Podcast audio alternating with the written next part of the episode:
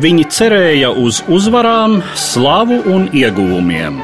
Viņi ticēja, ka cīnās par taisnu lietu. Ticēja, ka šai cīņā tieši viņu pusē ir Dievs. Viņi iemantoja izpostītus novadus un sakropļotas miesas, sāpes, vilšanos, nāvi. Viņi, Eiropieši pirms simts gadiem. Lielais vēstures pagrieziens, Pirmais pasaules karš.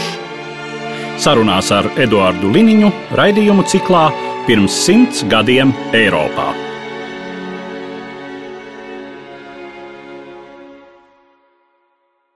Labdien, cienījamie klausītāji! 1918. gada 1. aprīlis ir iezīmīgs datums kara aviācijas vēsturē. Šajā datumā ir dibināti Lielbritānijas karaliskie gaisa spēki, pirmā no citām ieroču šķirām neatkarīgā kara aviācija.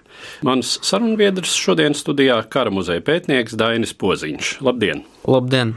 Pirmais pasaules karš ir pirmais lielais militārais konflikts, kur plaši sāk izmantot arī aviāciju kā karošanas līdzekli, un uh, veidojas līdz ar to gluži jauni karošanas paņēmieni, kā izmantot šo tehnisko līdzekli, un arī pati aviācija kara laikā piedzīvos strauju attīstību.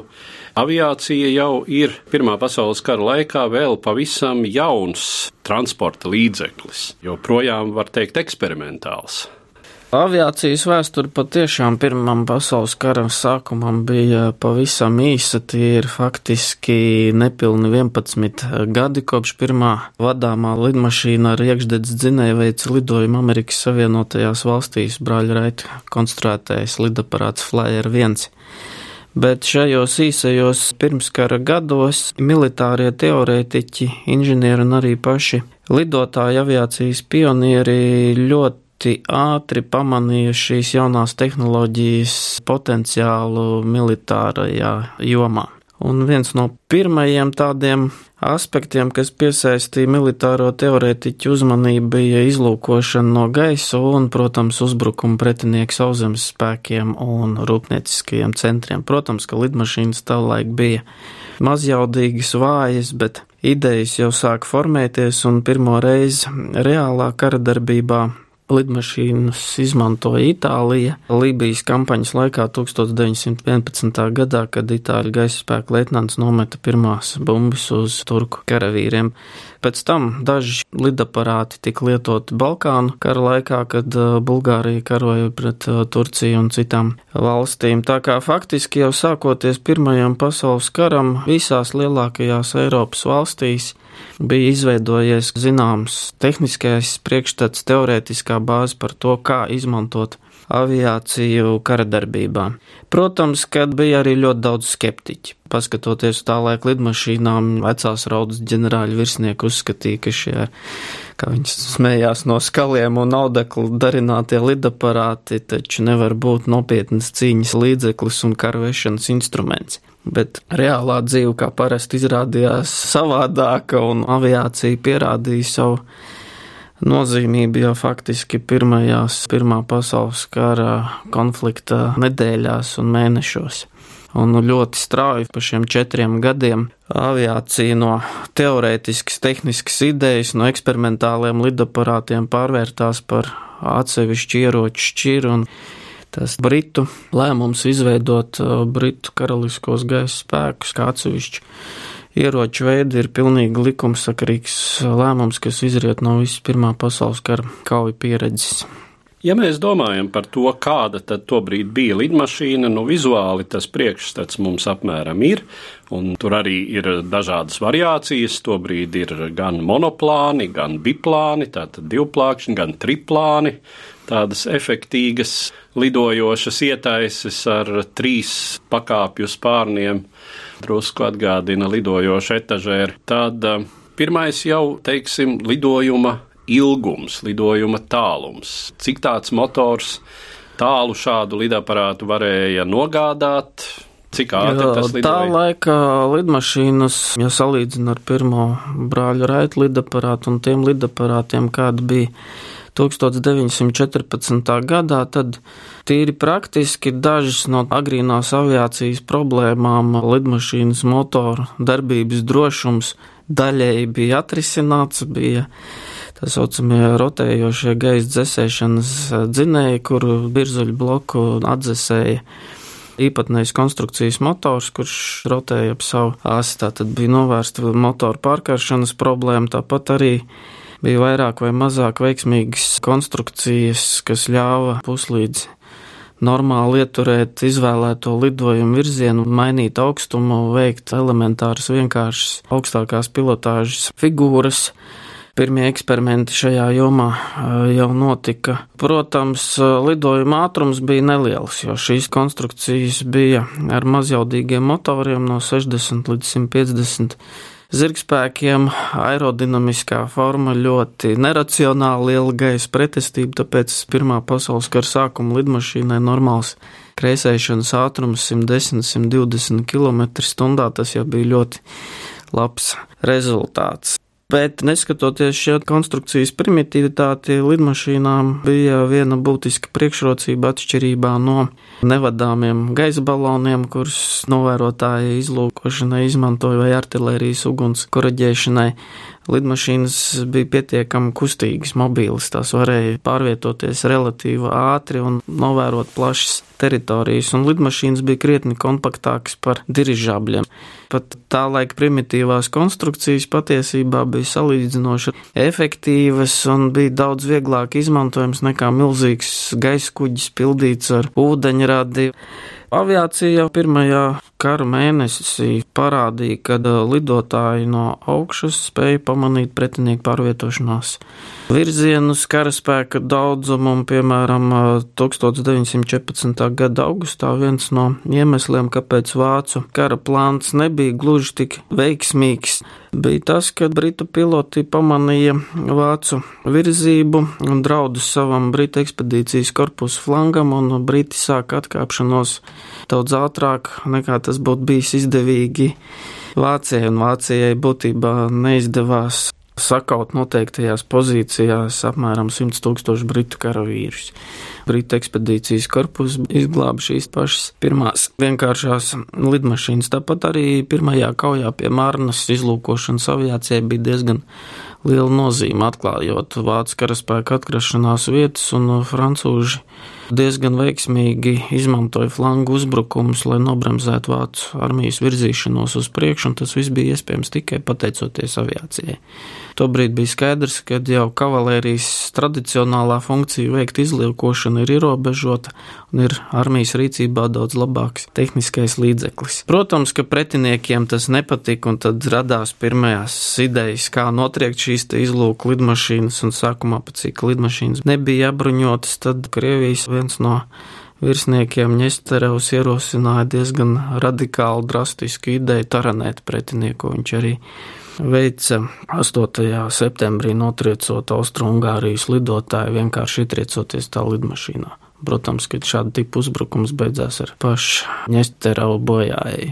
Lidotāji sāk izmantot ugunsšaujamieročus, un tad arī procesā iesaistījās inženieri, lidmašīnu konstruktori, un tad radās idejas, kad var uz lidmašīnām likt virsū ložmetējus Tad radās problēma, kad ložmetēji šaušanai ugunī traucēja lidmašīnas propellers priekšā novietotais, tad ievies lidmašīnas, kur dzinējs ir aizmugurē un propellers dzen uz priekšu, un ložmetējs ir novietots priekšpusē, kur lidotājs novērotājs vienlaiks var arī pildīt ložmetējnieku funkcijas un atgaiņāt pretinieka lidmašīnas.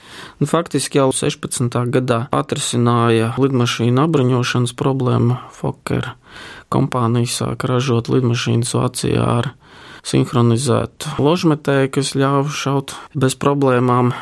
Ložmetējs šauj tajā brīdī, kad šaušanas zona ir brīva, kad propellers ir pagājis eh, garām un lodes nesabojās paša lidmašīna. Un ar šo brīdi tad arī sāk ļoti strauji veidoties iznīcinātāju aviācijas taktika jau, teiksim, Verdenes kaujas laukā gan izlūka aviācijas, gan iznīcinātāja aviācijas kaujām ir diezgan būtiska nozīme. Vēl viens ļoti nozīmīgs aspekts lidmašīnai, sevišķi, ja mēs runājam par izlūkošanas funkciju, ir sakari. Kā tad notika šī informācijas nodošana? Droši vien sākumā tā nonāca līdz adresātam tajā brīdī, kad lidmašīna nolaidās un lidotājs Jā, varēja. Tas ir paziņot. viens variants, lai procesu pātrinātu. Otrs variants bija, kad vienkārši lidotājs speciālā kapsulā vai citādos veidos nometa ziņojumu. Lidotājs novērotājs, ko bija pierakstījis, kur atrodas pretinieks, kādas koordinātas, bet šāds saziņas veids nebija gan operatīvs un efektīvs. Turklāt Pirmā pasaules kara sākumā karavīriem abās frontes pusēs bija problēmas atpazīt lidmašīnas, kuras ir savas, kuras ir svešinieki. Tāpēc šī komunikācija bija diezgan problemātiska. Tad izgudroja radiotelegrāfu. Vienpusēji varēja nosūtīt radiotelegrāfu palīdzību, kā toreiz teica, bezvadu telegrammu. Tad vēlāk jau kara beigās parādījās arī divpusējie radiosakari lidotājiem, novērotājiem plus sāk izmantot augstākas izšķirtspējas un labākas kvalitātes fotokameras. Sākumā lidotāji fotografēja ar rokas fotoaparātiem, bet Pirmā pasaules kara beigās jau bija rūpnieciski ražotas speciāli konstruētas aerofoto izlūkošanas fotokameras, kas ļauj iegūt pietiekam augstus izšķirtspējas fotoattēlus un uh, sabiedrotie, un arī vācu armija šādu aerofoto uzņēmumu analīzi ļoti bieži izmantojam pietiekami efektīvi. Kādi tad ir tie līdzekļi, kurus izgudro, lai cīnītos pret lidmašīnām?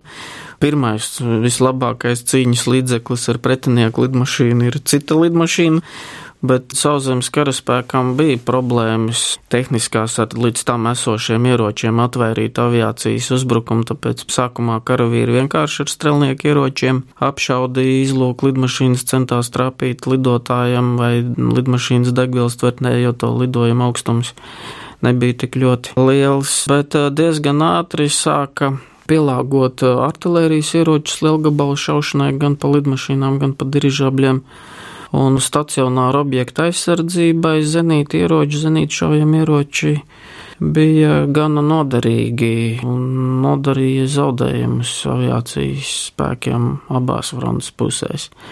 Un tradicionālā tehnoloģija bija sagrupēta, teiksim, pie aizsargājuma objekta vai frontes līnijas pozīcijas Lielgabalas ātršāvēja sākumā izmantoja improvizētas tehnoloģijas, vienkārši veidoja no koka vai metāla speciāls lafetes, kas ļauj lielgabalu pacelt 45 grādu leņķī. Parasti izmantoja vieglos lauku lielgabalus ar kalibru līdz trim caulām, kas vienkārši ir ar augstāku šaušanas tempu un izmantoja šrapneļu tipu šāviņus, kas sprākstot gaisā izkliedēja šķembas un lodītas. Tātad centās noteikt apmēram lidmašīnas lidojuma augstumu. Protams, kad šādā veidā šaujot bija ļoti liels munīcijas patēriņš un mazs uguns rezultatīvitāte. Protams, tāpēc sāka ieviest speciālas konstrukcijas jau tālmērus, speciālus instrumentus, kas ļāva noteikt attālumu līdz lidmašīnai, speciālus tēmekļus, un Pirmā pasaules kara beigās jau zinīt artilērijas darbības efektivitāte kļuva teorētiski un tehniski labāk organizēta un efektīvāka.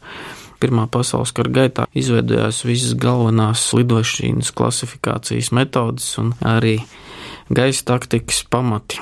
Daudz principu un idejas, kas dzimta to laiku, kalpo aviācijai arī mūsdienās. Tikai, protams, daudz augstākā tehniskā pakāpē. Vai Pirmā pasaules kara laikā mēs varam runāt arī par kādām pilnvērtīgām gaisa kaujām. Duelis. Protams, Verdens jau kaujas laikā lidmašīnas pārvietojās pietiekami lielās grupās, grupu kaujas taktika, pilnveidojās pārnieku aizsardzības, teiksim, viens otru aizsargā no muguras un neļauj pretiniekam uzbrukt no aizmuguras vai aklās zonas, teiksim. Bija dažādi teorētiski aprēķini, cik lielai šādai kaujas grupai bija jābūt gan pa pāriem lidoja, gan pa trīs, pa četri, pa pieci, pat lielākām grupām vēlāk, gan kauja praksē jau pēc Pirmā pasaules kara atklājās, kad visitehniski un efektīvākais taktiskais elements ir pāris. Divas lidmašīnas intensīvu kauju apstākļos veselām vienībām piedalījās kara darbībā, gan veica izlūkošanu, vairākas lidmašīnu grupas aizsargāja izlūku lidojumus veicošos vai bumbardējus, kas bombardēja vai apšaudīja pozīcijas. Un kad Briti pilnveidoja savu pretgaisa aizsardzību, Sākot ar 1916. gadu vairs nebija iespējama dirižābļu uzlidojumi Londonai efektīvi, vācu inženieri sāka domāt par smago bumbvedēju konstruēšanu un būvēšanu, lai veiktu uzlidojumus Londonai. Un šie uzlidojumi arī tika organizēti veicot grupu lidojumus, un, protams, arī aizsardzību organizējot. Briti centās pārtverot šīs lidmašīnas, pacelt gaisā virs Londonas, cik daudz iespējams lidaparātus. Tā kā kara beigās jau šīs gaisa kaujas bija visnotaļ iespaidīgas. Aviācijas ietekme uz sauszemes armiju tiešā veidā triecienu uzbrukumu bombardēšana vēl nebija tik augsta. Sevišķi labi panākumi Vācu aviācijai bija Pirmā pasaules kara beigās, pavasara uzbrukuma laikā, pirmajās šīs uzbrukuma nedēļās Vācu piloti sadarbojās, sekoja uzbrukošiem vācu karaspēkam, atbalstīja vācu kainieku uzbrukumus, apšaudot ar ložmetējiem britu spēkus, un tas izrādījās pietiekami efektīvi. Līdzīga taktika adoptēja arī sabiedrotie, gan briti un franči, tā kā Tur jau bija pirmie priekšvēstneši, kad aviācijai pilnveidojoties šādai cīņas metodei varētu būt ne tikai taktiski, bet arī jau strateģiski rezultāti. Šie četri gadi būtībā deva aviācijas izaugsmē krietni vairāk nekā iepriekšējie 11. Teiksim, ja kara sākumā lidmašīnas ātrums, iznīcinātāja ātrums bija 110-130 km/h, tad Kara beigās tipiski normāla lidmašīna viegli varēja lidot ar ātrumu 220 km/h. Bija apbruņots, spēja pacelt vairākus simtus kilogramu bumbu, pat vienmotoru lidmašīnas un lielāki, smagāki lidaparāti pat varēja vēst pusotras tonnas aviācijas bumbu un bombardēt mērķis. Cik efektīva bija šī bombardēšana? Te arī vietā parunāt par uh, jau piesauktajiem dirižabļiem, kuri Latvijas kontekstā arī ir atstājuši savas pēdas, tā skaitā Rīgas centrāla tirgus paviljonu jumtu formā, kas, kā zināms, ir kādreiz izmantotas jumta konstrukcijas no Pirmā pasaules kara laika dirižabļu angāriem, kas bija palikuši zemgalē no šejienes atkāpjoties mm. Vācijas karaspēkam.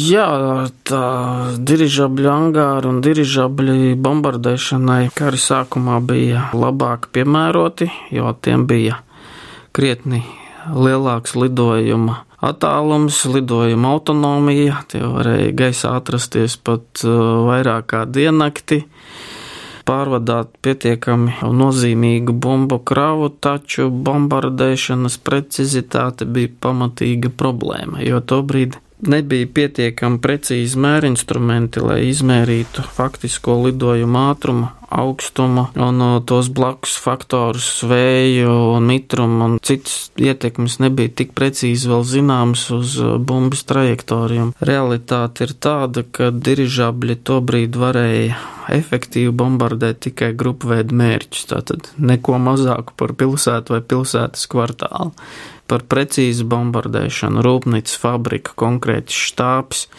Runāt var stipri nosacīti, un šī problēma ir diezgan smaga aviācijai līdz pat otrā pasaules kara beigām. Pirms otrā pasaules kara viens no veidiem, kā to problēmu atrisināt, bija pikējošo lidmašīnu izmantošana, bet tas jau attiecās uz 20. un 30. sevišķi tas izplatīts kļuva otrā pasaules kara laikā. Tas deva pietiekam augstu trāpījumu precizitāti, apmēram 75% varbūtību, kad tiltam mājai vai kuģim konkrētais pilots varēs trāpīt ar parastu aviācijas bumbu bet tas bija grūti izpildāms taktisks paņēmiens, ja ir spēcīga zenīta artilērija, lai šī taktika būtu pietiekami efektīva, ir nepieciešams absolūts un nospiedošs pārsvars pār pretinieku gaisā.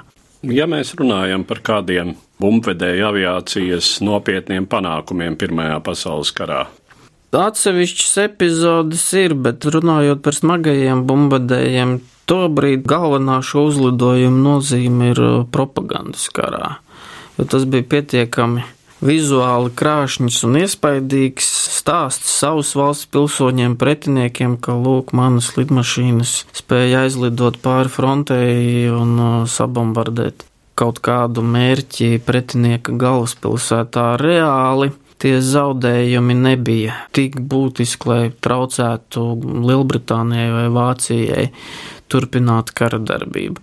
Cits stāsts ir par kaujām sauszemes frontē, kur patiešām kara gaitā lidotājiem veicot uzbrukumus frontes līnijas pozīcijām, transporta mezgliem, apšaudot mašīnas, pajūgus, artilērijas pozīcijas ar ložmetējiem metot bumbas.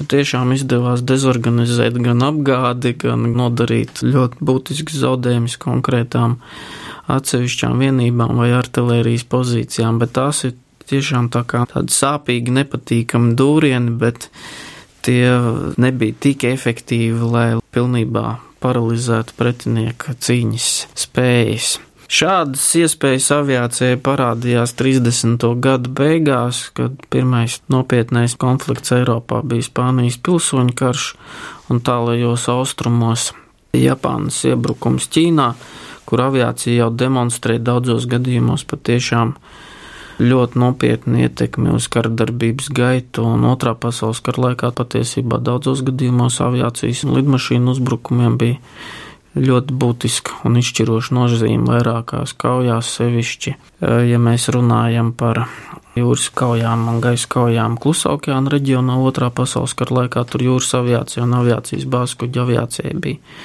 ļoti būtisku lomu panākot strateģisko lūgzumu ASV labā. Tāpat arī, ja mēs runājam par masu uzlidojumiem Vācijas un tās sabiedroto pilsētām, ko veica Britu un Amerikāņu aviācija otrā pasaules kara laikā, un, protams, amerikāņu smago bumvedēju uzlidojumi Japānas pilsētām un kodolieroču izmantošana. Tad jau aviācijai patiešām jau ir būtisks iespējas uz kara darbības gaitu ar strateģisku efektu. Tiešām aviācija būtiski iespaidoja kara iznākumu.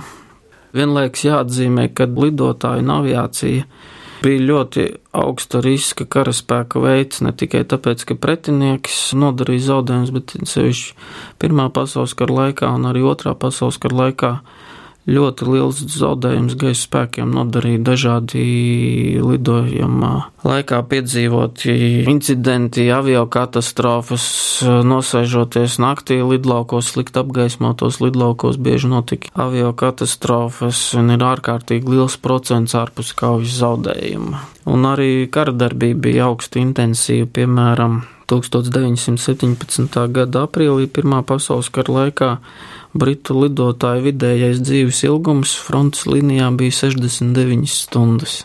Aprīļa katastrofa tas ir būtiski viens mēnesis, kad Vācijas aviācijai izdodas veikt pietiekami efektīvu kara darbību, un Britiem un Francūžiem nav īsti ko likt pretī gan tehniski, gan taktiskā ziņā, un šie zaudējumi ir ārkārtīgi lieli taktiskā ziņā britu virsnieki kļūdījās ieviešot tā saucamās uzbrukošās patruļas, sūtot britu lidotājus lidot virs vācu kontrolētās teritorijas, un šīs uzbrukošās patruļas, kurām it kā bija uzdevums dots aktīvi meklēt vācu lidmašīnas vai uzbrukt vācu spēkiem uz sauszemes, kļuva par vieglu mērķi vācu aviācijai. Tāpat arī tīri tehniskā ziņā tobrīd vāciešiem bija diezgan labi izdevies organizēt jaunu lidmašīnu ieviešanu. Un viņi cīnījās aprīļa mēnesī 17. gadā ļoti efektīvi.